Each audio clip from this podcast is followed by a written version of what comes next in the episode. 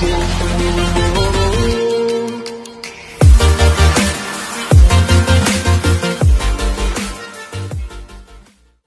lagi bersama kami di Beyond Education Podcast Podcastnya yang sangat menginspirasi di pagi hari ini Jadi kembali lagi pada pagi hari ini ya Bersama Pak Doni Halo semuanya. Narasumber kita Alhamdulillah Dan saya juga Alhamdulillah sehat Alhamdulillah sehat semua kita. Gimana kabarnya pemirsa semuanya sehat ya? Sehat, mudah-mudahan kita doakan ya Pak Amin. Eh, Semuanya agar tetap sehat di era pandemi seperti ini Ya. terus agar juga eh, bertambah gitu eh, rezekinya bertambah Amin. keberkahannya insya Allah semua rakyat Indonesia rakyat mana pun itu negara mana pun itu bisa menghadapi atau melewati masa-masa seperti ini. Karena di masa seperti ini sangat-sangat membutuhkan ini pak effort yang sangat-sangat ini ya, Luar biasa. sangat luar biasa gitu ya. Setiap orang itu yang biasanya kerjanya setengah-setengah gitu kan. Terus tiba-tiba dia harus keras gitu kerjanya dan sekarang banyak ada yang di PHK ada yang ini seperti itu. Jadi sebenarnya apa sih pak yang bisa membuat kita bisa kerja atau misalnya bisa mengeluarkan seluruh potensi kita gitu kira-kira di pagi hari ini saya ingin menanyakan itu pak Oke, pertanyaan yang bagus ya. Apa yang bisa menyebabkan kita Hmm, keluar potensi yang dimiliki ya? iya terus dalam etos kerja terutama ya pak etos ya? kerja ya. Hmm, Nah ternyata di agama sudah disebutkan Hmm. ada suatu hadis yang Rasulullah uh, mengatakan bahwa kita disuruh bersungguh-sungguh oh, di dalam perkara yang bermanfaat bagi kehidupan kita. Nah, jadi dari hadis tersebut saja sudah diberikan kode sama Rasulullah. gitu Dalam hal yang bermanfaat, kita harus mengeluarkan seluruh potensi kita. Ya, dengan kata sungguh-sungguh tersebut. Nah, jadi kita tidak mungkin bisa berhasil di dalam kehidupan ini kalau kita tidak bersungguh-sungguh. Nah, bersungguh-sungguh ini saya samakan dengan kata totalitas. Wih, totalitas siapa ya? Ya, Apa sih Pak totalitas itu Pak? totalitas ya kita bersungguh-sungguh dengan apa yang kita lakukan. Bisa macam-macam. Ya. Misalnya kita seorang pelajar. Kita harus totalitas dengan tugas kita sebagai seorang pelajar. Oh iya. Ya, dia harus bersungguh-sungguh.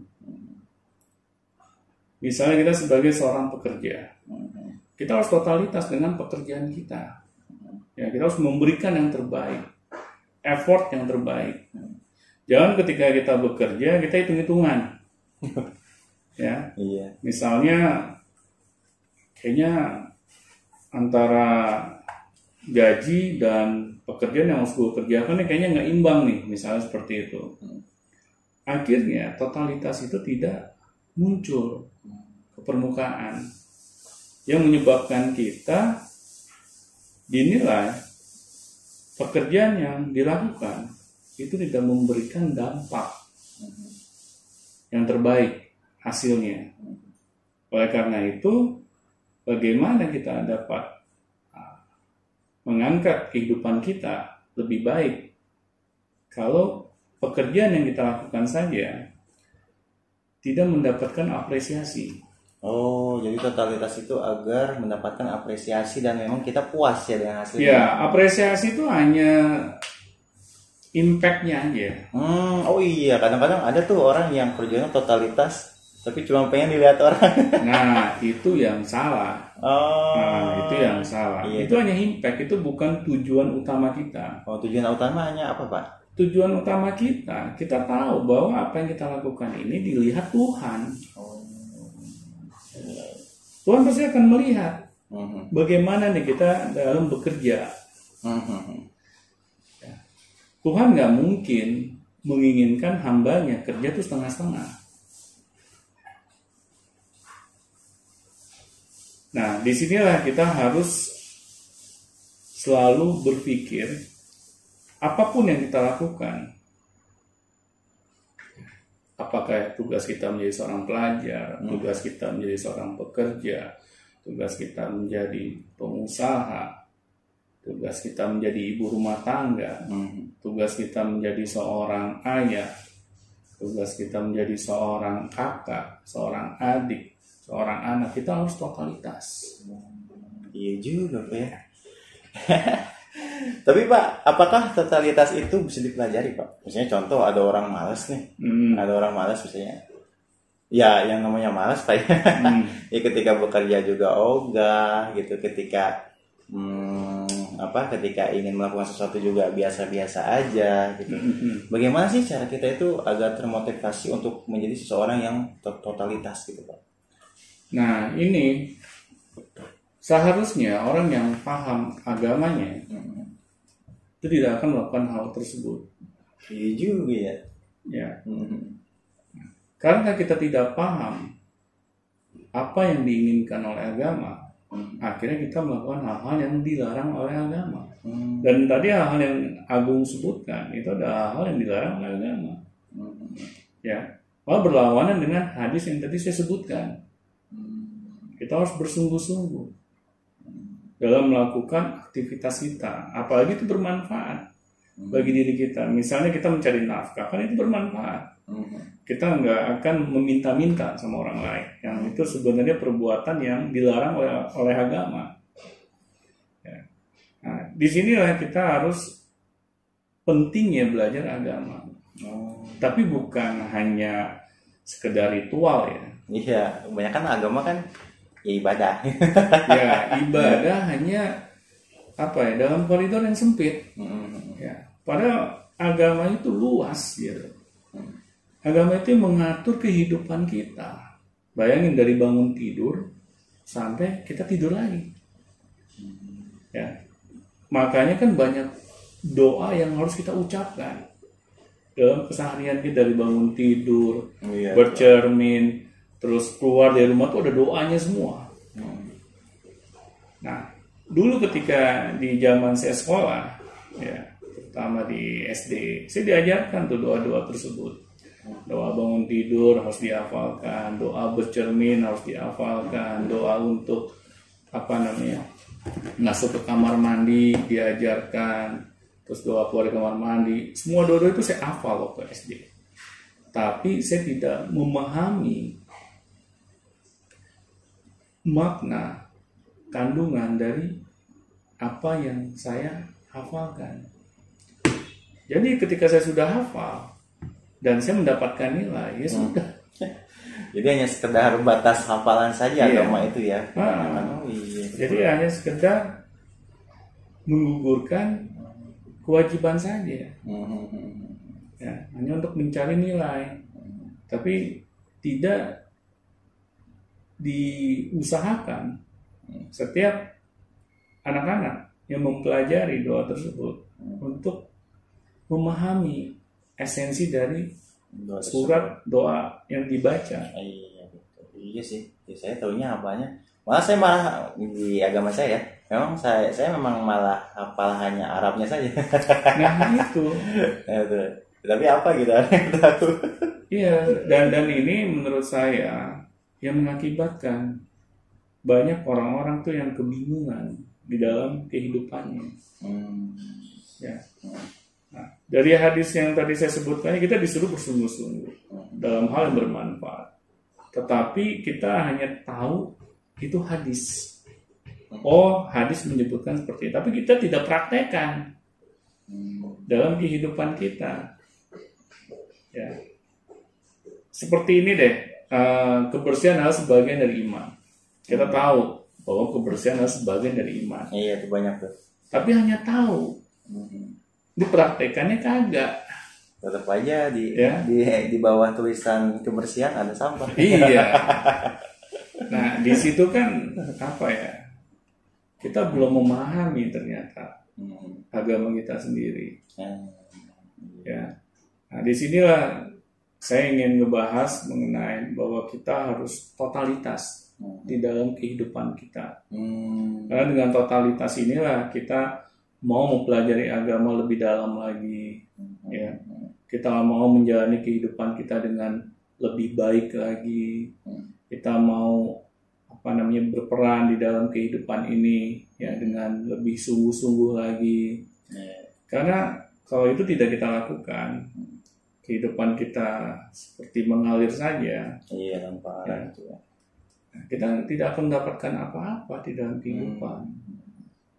Padahal manusia itu diciptakan kan untuk menjadi khalifah di muka bumi ini untuk menjadi seorang pemimpin. Nah, jadi pemimpin yang disebut dengan pemimpin ya kita harus bisa memberikan contoh suri toladan Hmm. ya dengan totalitas. Jadi Pak gini Pak, eh, ada beberapa orang yang kebingungan Hmm. memulai untuk menjadi seorang yang totalitas itu dari mana? Hmm. Karena kan yang eh, merasa dia itu eh, apakah dia harus memulainya dari kebiasaan sehari-hari atau misalnya apa gitu. Jadi kan ada Iya. aja orang yang pengen totalitas tuh, siapa yang totalitas nih? Eh mulainya dari mana? ada yang seperti itu kan kebingungan seperti itu. Jadi kira-kira atau memang baiknya itu totalitas itu dimulai dari mana Pak? Dari hal yang terkecil aja, Hmm. dari hal yang terkecil dulu, ya. Jadi ketika kita misalnya melakukan sebuah aktivitas, Ya betul. misalnya simpel lah, Hmm. kita mandi, misalnya, kita harus mandi sebaik mungkin, sebersih mungkin, ya.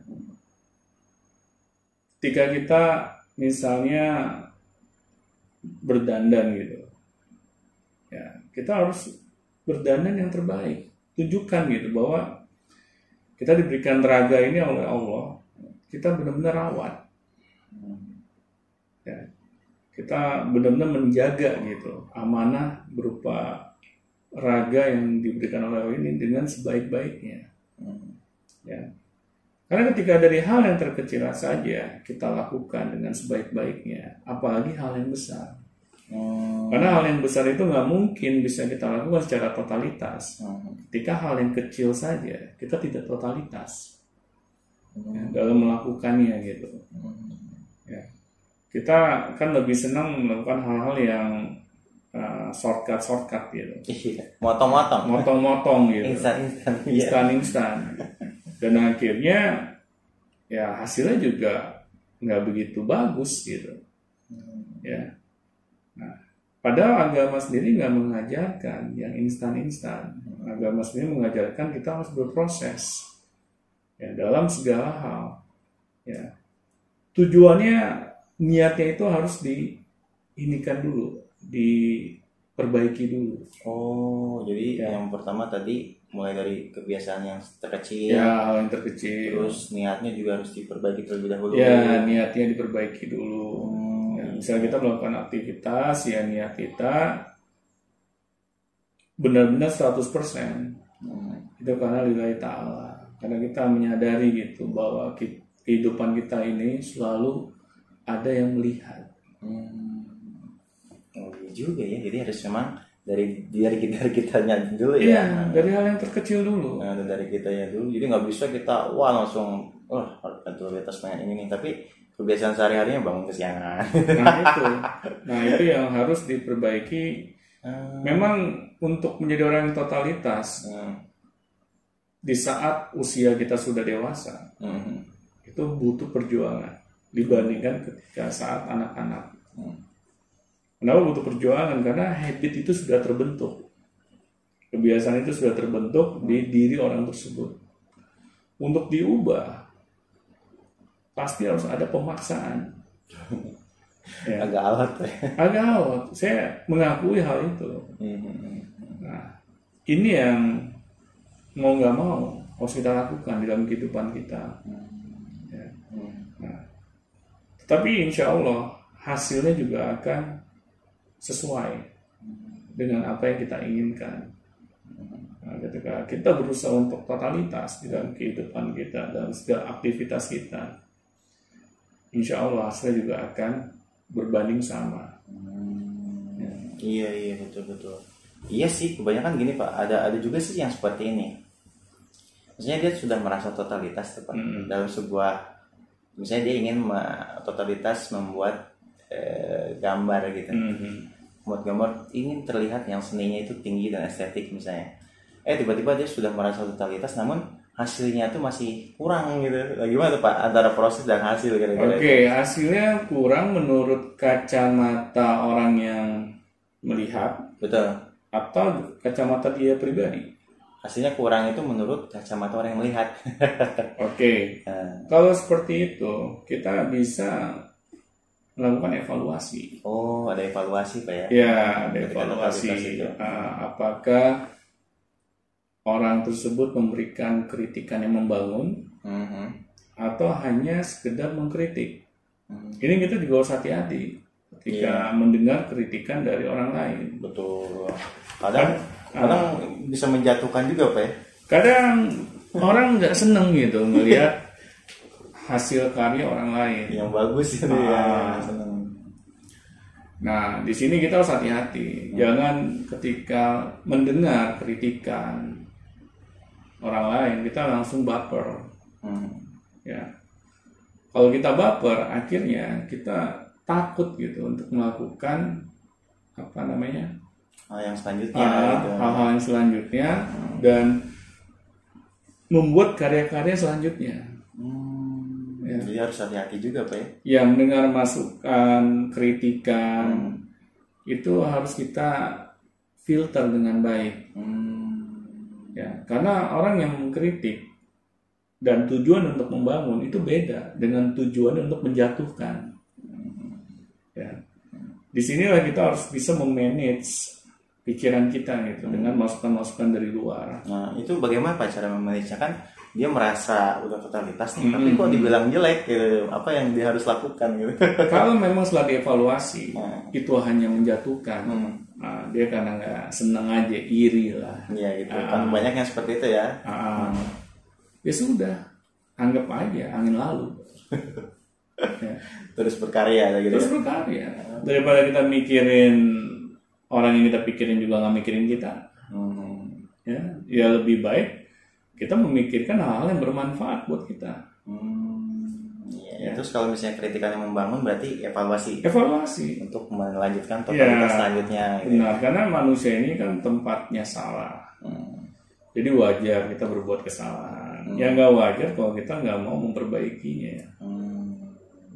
Nah ini ini pentingnya gitu bahwa manusia itu harus terus belajar. Ya nggak ada akhir dari kata belajar. Gitu. Oh terus ya kalau yang misalnya seperti ini pak, yang dia itu misalnya mau tes nih, Hmm. dia tes eh, yang mau tes itu mempersiapkan itu totalitas pak, dari enam bulan sampai tiga bulan sebelumnya, setahun sebelumnya gitu, dia mempersiapkan untuk tes itu. Tapi pas dia udah merasa totalitas, namun gagal. Nah apa pak? Biasanya kan banyak yang kayak gitu ya. Iya. Kadang langsung ada yang kecewa gitu, ada yang udah ah, gitu. Apa Iya. yang harus dilakukan pak ketika mendapatkan hal seperti Ya, itu? kalau kecewa wajar, karena manusia juga bisa kecewa ya. Hmm. Tapi jangan kelamaan kecewanya. Hmm. Ya. Cukup kata guru saya itu lima menit aja kecewa. Hmm. Setelah itu evaluasi. Hmm. Apa nih yang kita kurang lakukan? Ya. Apa nih yang bisa kita perbaiki lagi? Hmm. Terus lanjutkan. Hmm. Ya. Hmm. Nah, di sini pentingnya gitu kita memanage pikiran kita agar jangan terlalu lama kita kecewa. Hmm. Ya. Di sini tantangannya gitu. Iya. Ya. Dalam memanage hal-hal yang di luar prediksi kita Hmm. itu terjadi gitu. Oh iya jadi totalitas bersama Tuhan mbak ya. Iya. Kayak apa yang kadang kita juga kadang kita udah totalitas nih, tapi ada aja kurangnya berarti oh Tuhan itu ada ada maksud lain gitu mungkin ya. Pastinya kita harus positive thinking terus Hmm. terhadap Tuhan. Hmm. Ya. Anggap ini ujian dari Tuhan. Yang penting kan niatnya, niat kita baik. Ya, kita ingin memberikan yang terbaik dengan karya kita. Hmm. Ya, tujuannya juga baik. Ya, tujuan itu bukan ingin kita menyombongkan diri gitu. Biar orang-orang tuh kagum dengan kita. Hmm. Ya, kita tujuannya kita ingin memberikan yang terbaik agar Tuhan melihat gitu. Bahwa hambamu ini ketika melakukan aktivitas selalu yang terbaik yang hamba persembahkan untuk Tuhan Hmm. bukan manusia iya Makanya ketika kita tujuannya untuk memuaskan manusia, kebanyakan kita kecewa. Iya, karena manusia nggak ada puasnya kan iya. Tapi kalau tujuan kita untuk Tuhan kita, Hmm. insya Allah Tuhan nggak akan mengecewakan kita. Hmm. Ya, tinggal kita mau memilih yang mana. Tujuan kita karena ingin dipuji atau memang nilai ta'ala. Hmm. Ya, kita ingin menunjukkan gitu bahwa saya ini sebagai hambamu ya benar-benar ingin menyenangkan Tuhan. Iya juga ya. Jadi kalau misalnya kita targetnya manusia, manusia memang setotalitas totalitasnya pun apa kita gitu ya pasti ada aja yang Pasti aja akan dikritik. ya. Iya, terus Ah. iya pasti apa pun akan dikritik. Tapi ketika kita niatnya memang sudah betul, betul kata bapak tadi, Hmm. dengan kondisi kita memang ingin betul- totalitas bersama Tuhan gitu, Hmm. ya apa pun yang terjadi ya kita yang penting totalitas gitu. Iya. Oh, iya. Tapi bagaimana sih Pak cara cara apa ya? Cara kita itu Hmm. untuk membangun totalitas dalam sebuah tim, Pak. Kadang kan ini totalitas ini kadang eh, setiap orang itu ada berbeda atau misalnya dalam sebuah tim berdagang gitu kan. Ada tuh orang-orang misalnya timnya itu kok yang satu kerjanya ini, tapi yang satu kerjanya bagus. Jadi bagaimana sih cara kita itu membangun so- totalitas dalam sebuah tim gitu, Pak? Oke. Nah, di sini pentingnya kita menempatkan tim kita sesuai dengan kompetensinya masing-masing.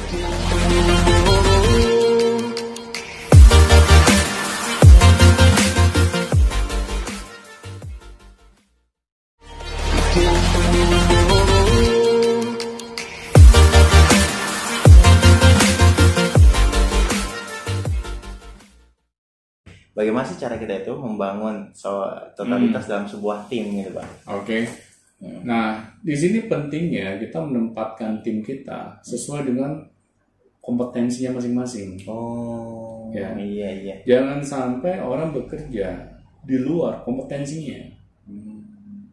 Karena nggak ada yang lain yang bisa ngerjain, Hmm. nah orang itu dipaksa untuk mengerjakan. Oh, jadi harus sesuai dengan kompetensi. Iya, ya? sesuai dengan kompetensinya dia, sesuai dengan passionnya dia. Karena kalau kita bekerja dengan passion, kita akan merasa enjoy dalam melakukannya. Iya, berarti tim-tim yang kurang itu berarti bukan di di ranahnya gitu ya. Kak? Bukan di ranahnya. Nah, makanya kayak di Vicar School sendiri kan dia selalu bilang gitu, rekrut tim sesuai dengan Hmm. kompetensinya dia. Hmm. Jangan sampai saya bilang jangan lihat CV-nya. CV udah ngembun. nggak penting buat saya. Ijazah juga nggak penting buat saya. Yang penting buat saya bahwa orang tersebut memang passion di pekerjaannya. Hmm. Ya, karena ketika kita passion dengan pekerjaan yang kita lakukan, kita akan memberikan yang terbaik. Hmm. Ya, tanpa harus dipaksa-paksa, tanpa harus disuruh-suruh, ya, tanpa perlu diancam. Kita akan melakukan dengan all out. Kan enak. Hmm. Ya setiap orang bekerja sesuai dengan kompetensinya. Akhirnya kita akan bekerja dengan kompak. Karena setelah, maksud saya satu dengan yang lain saling berkolaborasi, saling mengisi. Ya, karena memang tidak ada orang yang bisa segalanya. Ya. Nah, di sinilah pentingnya tim itu harus bekerja sesuai dengan Passionnya. passionnya masing-masing. atau ranahnya ya. Iya sih, banyak kan kan di era pandemik ini sih bukannya saya juga ada teman saya tuh, dia Hmm. tuh kan membentuk tim yang namanya tim untuk jualan tahu bulat. Oke. Jadi ada memang emang dalam kondisi pandemi seperti ini apa ya, jadi Hmm. siapa pun direkrut gitu. Eh ternyata awal-awalnya bener jualan, lama kelamaan ya udah. ada yang inilah, ada yang itulah gitu. Jadi memang kita nggak bisa seperti itu ya pak ya. Ya, kita bisa, harus harus ngerekrut, emang kita harus eh, selain juga kita harus memastikan dia mau atau tidak, kita juga harus tahu bahwa dia tuh eh, kompeten atau misalnya memang ranahnya atau tidak gitu ya. Benar, benar. Jadi di sinilah penting uh, kita menempatkan orang sesuai dengan kompetensinya. Ya. Jangan sampai kita salah menaruh orang di luar kompetensinya. kita akan mencari penyakit sendiri. Bener-bener. Sekarang kan banyak grup-grup yang dadakan nih Pak di era pandemik ini. Siapa pun misalnya yang yang bukan tukang jualan dijualan gitu kan. Di grup-grup dadakan seperti itu sih. Nah ini memang kalau dalam hal pandemi seperti ini kan Hmm. yang sebelumnya saya pernah uh, sebutkan gitu ya kita harus memencet tombol survival dulu. Iya gitu. ya. Kita nggak bisa banyak memilih iya sih. pada saat ini. Pilihan kita sempit. Hmm. Ya kita hanya bisa untuk survive dalam kehidupan ini gitu. Hmm. Nah, ya insya Allah pandemik ini juga akan ada akhirnya. Nah, yang penting di saat-saat ini kita harus benar-benar fokus terhadap apa yang bisa kita lakukan dulu. Hmm, totalitas di situ. Totalitas dulu di situ. Ya, kita jangan apa namanya eh, setengah-setengah juga dalam melakukannya. Iya. Misalnya kita terpaksa nih harus jualan, Ah, ya jualanlah yang terbaik. Kita harus memuaskan konsumen kita. oh niat kita itu ya. Ah, berikan produk yang bagus gitu. Hmm, hmm. Ya, layani konsumen dengan hati yang tulus.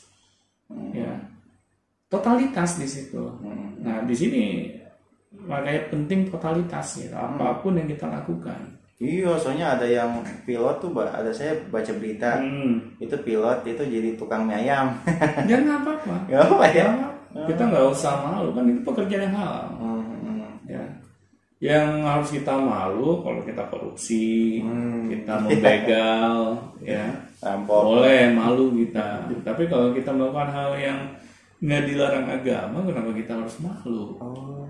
ya kayak dulu awal saya bekerja ya saya sempat ngerasain jadi cleaning service Hmm. ya padahal saya lulusan dari Trisakti bayangin aja saya lulusan eh, sebuah institusi pendidikan yang ternama lah di Jakarta Hmm. tapi ketika saya bekerja saya harus bersihin WC bayangin Hmm. ya, Tapi, tapi totalitas Pak ya mau nggak mau karena saya merasakan gitu kalau saya nggak totalitas nih Hmm.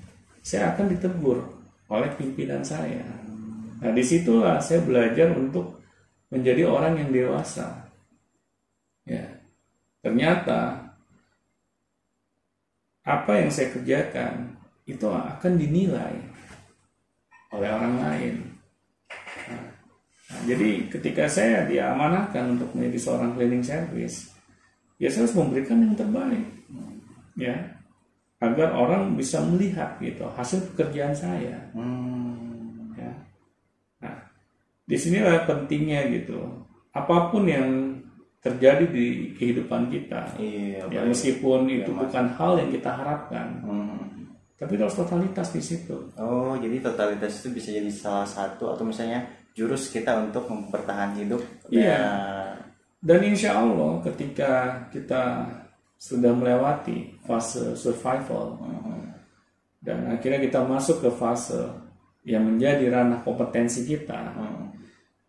kita memiliki ilmu-ilmu baru di situ. Hmm. Iya juga ya. Ya, Yang tadinya pilot jadi bisa masak mie ayam. iya, itu kan ilmu baru.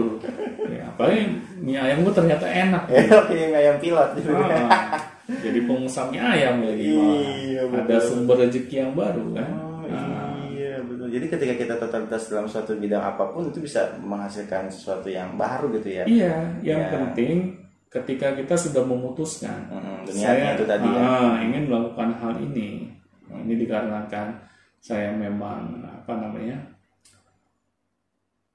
passion saya di situ. Mm, Ya, sudah kita totalitas mm. dalam melakukannya. Kita tidak usah mendengarkan kata orang lain yang mengkritik Iya. kita. Ya masa kamu pilot jual mie ayam? Iya kadang malu juga ya kadang Nah. terkadang gitu ya sifatnya manusia gitu yang Iya. pilot jualan mie ayam ih gimana sih gitu. Nah di situ di situ memang tantangannya Hmm. bahwa banyak orang di sekitar kita mungkin yang tidak suka gitu Hmm. melihat perjuangan kita. Hmm. Ya, tapi kita tidak usah malu. Iya Ya. gitu ya. Yang penting apa yang kita lakukan ini kan tidak dilarang oleh agama. Hmm, Ya. juga kita baik gitu kan Ya. Ya sama seperti saya dulu jadi cleaning service, awal-awal saya malu jujur. Waduh, jadi cleaning service, suruh ngepel, suruh nyapu, terus dilihatin orang-orang. iya iya Ya, apalagi kalau di pinggir Iya. rumah iya, untung gak ketemu temen gitu kan. Kalau ketemu temen malu juga di ini dibully gitu. iya iya Nah, tapi di situ proses pendewasaan diri saya gitu, ya, bahwa saya bekerja ini kan untuk mencari nafkah, untuk membantu keluarga di rumah. Ya, kenapa harus malu? Ya, nah, di situ akhirnya saya belajar memanage pikiran saya bahwa jangan pernah kita apa ya menyesali kejadian yang ada dalam kehidupan kita. Karena itu pasti memiliki pesan yang Tuhan ingin sampaikan kepada kita. Meskipun saat ini kelihatannya kurang baik Hmm. tapi kita fokus terhadap apa namanya eh, janji Tuhan bahwa Tuhan tidak akan menzolimi hambanya. Hmm. ya. Tuhan juga akan menguji manusia sesuai dengan uh, kapasitasnya. Tidak mungkin menguji manusia di luar lebih uh, kemampuannya. Ya insya Allah. Kita ingat janji itu kita terus semangat akhirnya ya kita terus melakukan hal yang terbaik dalam kehidupan kita Iya sih memang benar. Iya sih memang iya di situ sih maksudnya kondisinya kan orang-orang tidak eh, ketika pemahamannya eh, agamanya kurang bagus gitu ya. Dia melakukan totalitas itu kadang memang agak sulit. ya itu pentingnya kita memang belajar agama. Kita belajar ya bisa dengan siapa saja. Kita jangan pernah malu untuk belajar. Saya pribadi aja kan apa ya namanya tidak ada gitu kepikiran di dalam otak saya saya berhenti belajar. Ya. Iya. malahan saya terus mencari guru ya bagaimana saya dapat mengupgrade gitu kualitas diri saya. Kalau kita nggak ada niat untuk mengupgrade diri kita ya akhirnya ya sudah. Diri kita ya tidak akan ada perubahan. Ya, apakah itu yang kita inginkan gitu? Kehidupan kita ya gini-gini aja. Hmm. ya nah itu menurut saya tidak bisa disebut orang yang totalitas. Karena sudah ada perintahnya di agama sendiri untuk belajar sampai bayangkan ke negeri Cina. Ya. Ganti Pak yang di sini. nah, ke mana tuh? Kutub Utara tuh. ya, ya ini ke Wuhan gitu. Nah di, di di sini ya ini menurut saya bahwa agama kita mengajarkan kita untuk terus belajar sampai masuk kuliah lahat Hmm. ya karena ketika kita belajar kita mendapatkan insight-insight baru kita mendapatkan ilmu-ilmu baru ya dan ini membuat kehidupan kita itu akan lebih ber- berharga ya kehidupan kita ini akan memiliki manfaat gitu Hmm. Bukan hanya bagi diri kita Hmm. insya Allah juga bagi orang lain Iya. Apalagi jika kita totalitas di situ Pak. nah totalitas Iya. totalitas ini menurut saya sih sebuah mata uang yang berharga ya Iya. yang tidak bisa digantikan oleh apa pun juga menurut saya Hmm. karena apa pun aktivitas yang tidak dilakukan dengan totalitas insya Allah hasilnya juga tidak akan extraordinary Hmm, iya sih. Apa pun jika kita misalnya terjadi tukang mie ayam, Hmm. tukang tukang servis pun, ketika dilakukannya secara totalitas itu akan menil- menambah nilai tambah gitu ya. pastinya Iya itu yang menjadi ya oke okay, oke Iya. apa pun itu ya nggak harus nggak harus kita jadi A B C tapi yang penting kita totalitas di situ. Nah, ini ada kisah lucu nih. Dulu saya kan sempat Nah, nah, setelah berhenti bekerja, saya bingung mau ngapain Iya. saya akhirnya memutuskan ingin bikin warung burger ya meskipun pada saat itu jujur saya nggak bisa masak Mm. ya dan ketika saya jualan burger itu saya tahu gitu bahwa secara rasa burger saya ini bisa dibilang normal lah Mm. Kualitasnya gitu kan rasanya nah saya akhirnya berusaha gitu untuk mensiasati bagaimana nih biar dagangan saya ini laku akhirnya saya totalitas dalam melayani customer saya Oh, jadi di pelayanannya apa ya? ya di pelayanannya saya habis-habisan Iya, iya. saya benar-benar uh, membuat para konsumen tamu-tamu saya itu itu sangat mengapresiasi gitu pelayanan yang saya berikan Mhm. dan yang lucunya ketika saya iseng gitu kan browsing di internet saya pengen tahu nih pendapat para konsumen saya Hmm. mengenai burger saya Di survei gitu ya. Nah, saya survei lah iseng-iseng gitu kan Iya. di internet gitu saya coba buka di Google gitu di situ muncul ternyata testimoni. Mhm. nah yang saya pikir pada saat itu testimoninya itu memuji burger saya. Mhm. waduh eh, setelah saya makan burger ya di Iya, tempat ini wah rasanya luar biasa. Iya. enak banget. Ternyata apa coba? Yang menjadi testimoni customer saya. Ayo teman-teman makan di rumah burger. Karena pemiliknya baik. Jadi memiliki abang burgernya. saya, saya waktu bacanya mau ketawa juga gitu kan gue jualan burger. Iya kan? Oh, Iya. iya. Jadi bukan yang dipuji burgernya, dibilang pemiliknya baik. Oh. Karena memang saya selalu mengajak ngobrol. Oh, jadi ketika itu totalitas pelayanan. Ya, saya totalitas dalam pelayanan. Saya ngajak ngobrol, saya nggak ngeliat usianya uh, apa namanya berapa. Saya hanya fokus bagaimana nih saya dapat melayani dengan baik konsumen-konsumen saya, gitu kan. Hmm, iya, Ah, betul, betul, betul. akhirnya dia merasa enjoy gitu. Nah, berada di tempat saya. Padahal saya waktu itu ngerasa Biasa aja. ah, dari segi kualitas rasa Burger, burger, ya. saya biasa-biasa aja. Oh. Nah, di sinilah akhirnya orang melihat totalitas kita. Ya, kadang kita nggak sadar gitu. Apa yang kita perbuat itu dilihat loh sama orang. Hmm. Ya, tanpa kita sadari. Ya, dan ketika kita totalitas, insya Allah orang juga akan mengapresiasi pekerjaan kita. Iya. Meskipun orang lain tahu kita ini nggak sempurna. Iya. betul. Ya, tapi ke- ketidaksempurnaan itu akan tertutupi Nah, dengan total. dengan totalitas yang kita lakukan. Iya. Dengan apa yang kita mampu aja. Betul betul. Karena saya dulu merasa people skill saya bagus, Hmm. ya, saya fokus people skill saya.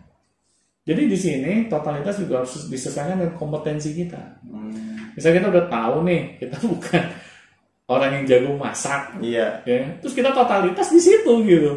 Ya akhirnya hasil masakan kita ya nggak pernah total. Berantakan. Iya kan berantakan. Nah, tapi ketika kita tahu nih kita totalitas kita ternyata di bidang lain. Hmm. Nah, di situlah kita harus benar-benar total dalam mengerjakannya. Hmm. Insya Allah hasil juga akan baik. Ya bayangkan ya, saya tahu nih saya bukan seorang chef yang hebat. Hmm. Ya, saya memang nggak suka jujur aja ya, nggak suka di dapur gitu. Iya. Ah, Lebih lebih Ah, ketemu orang gitu ya. ketemu orang. Nah, akhirnya sudah itu bukan kompetensi saya. Hmm. Ya, saya serahkan ke orang lain. Hmm. Kompetensi saya dengan people skill saya. Ya, akhirnya orang mengapresiasi juga. Hmm. Bayangin waktu saya tanya, ibu bagaimana rasa burger? Wah enak. saya saya Padahal- percaya. Padahal burger kayak gosong gitu. Saya sendiri aja yang masak nggak percaya coba. Ya. Tapi orang lain bilang enak. Itu menurut saya Kocak ya ya. tertutupi Hmm. oleh totalitas kita dalam melayani orang tersebut. Hmm, iya. Dan dalam misalnya dalam membangun usaha pun ketika kita tidak maksudnya tidak atau tidak bisa ada kekurangan gitu ya. Terus ternyata totalitas itu bisa eh, menimbulkan kreativitas pak ya. Jadi kan Pastinya. bapak kurangnya masak nih, gue harus total di mana ya? Iya. Jadi kita Di situ menggunakan kreativitas. Pentingnya Tadi kita mengetahui bakat kita. Oh iya betul. Nah, betul. karena dengan kita mengetahui bakat kita, kita bisa memberikan yang terbaik. Hmm. Nah, makanya saya selalu apa namanya bilang nih ke anak didik saya, ketika kamu memilih suatu pekerjaan, cari pekerjaan yang memang di situ ranah kamu, ya bakat kamu, minat kamu, agar hasilnya itu menjadi yang terbaik, karena kamu akan all out dalam mengerjakannya. Misalnya saya dalam sesi coaching dengan anak didik saya, saya tanya, kamu ingin jadi apa ketika dewasa nanti? Saya ingin jadi pengusaha, Pak. Pengusaha apa? Ya, pengusaha apa saja, Pak. nah, di di situ saya melihat jawaban yang tidak apa ya? Ngambang gitu. ya? Konkret, Iya, iya. konkret betul. Nah, nah di situ saya bilang, nah kamu boleh jadi pengusaha, tapi kamu harus jelas mau jadi pengusaha apa. Hmm, agar totalitas di sana. Ya. Karena kalau kamu asal dalam memilih Hmm. dan kamu tidak bisa memberikan yang terbaik, mau jadi pengusaha apa pun kamu dijamin akan gagal. Ya, karena pengusaha itu harus memberikan yang terbaik dari hasil usahanya. Ya, bagaimana orang akan membeli produk kita, jasa kita, Hmm. kalau kita tidak dapat memberikan yang terbaik. Makanya sebelum kamu memutuskan ingin jadi pengusaha, tanya ke diri kamu, oh ingin jadi pengusaha apa? Bidangnya apa? Ya karena jadi pengusaha itu banyak bidangnya. Kamu harus pilih yang membuat kamu itu memang senang di ranah itu gitu. Iya. Karena kamu tahu dengan kamu masuk ke ranah itu kamu bisa memberikan yang terbaik. Ya, kamu nggak usah ikut-ikutan orang. Ya. Lagi ngetren ini ikut ini gitu. Nah, itu itu bahayanya. Kebanyakan seperti itu ya, jadi nggak total gitu. nggak total akhirnya. Iya. Ah, karena masyarakat kan akan menilai Hmm. ya produk kita jasa kita ya mereka nggak akan mau dong misalnya menukarkan uangnya mereka dengan produk yang abal-abal. Iya. ya dengan jasa yang abal-abal. Ya. Nah di sinilah saya membimbing anak-anak. Mereka harus mencari tahu apa yang bisa mereka kontribusikan dengan bakat dan minat yang mereka miliki Oh, iya. Ternyata ada hubungannya ke sana ya, Pak ya? pastinya Oh. karena ini semuanya saling berkorelasi Korelasi. satu dengan yang lain Kayaknya itu jadi menarik, Pak. Tapi itu kayaknya di segmen selanjutnya kita akan bahas ya, Pak ya? siap Oh, iya. Ini akan lebih menarik nih pemirsa ke depannya bagaimana sih kita totalitas dan minat bakat dan nilainya. Maka oleh dari karena itu kita akhiri saya segmen sekarang agar pemirsa pada penasaran nih. siap insya Allah masih ada lanjutannya Masih lanjutannya. Oke, terima kasih pada untuk siang hari ini. terima kasih semuanya Oke. sampai jumpa lagi Salam Beyond Education. salam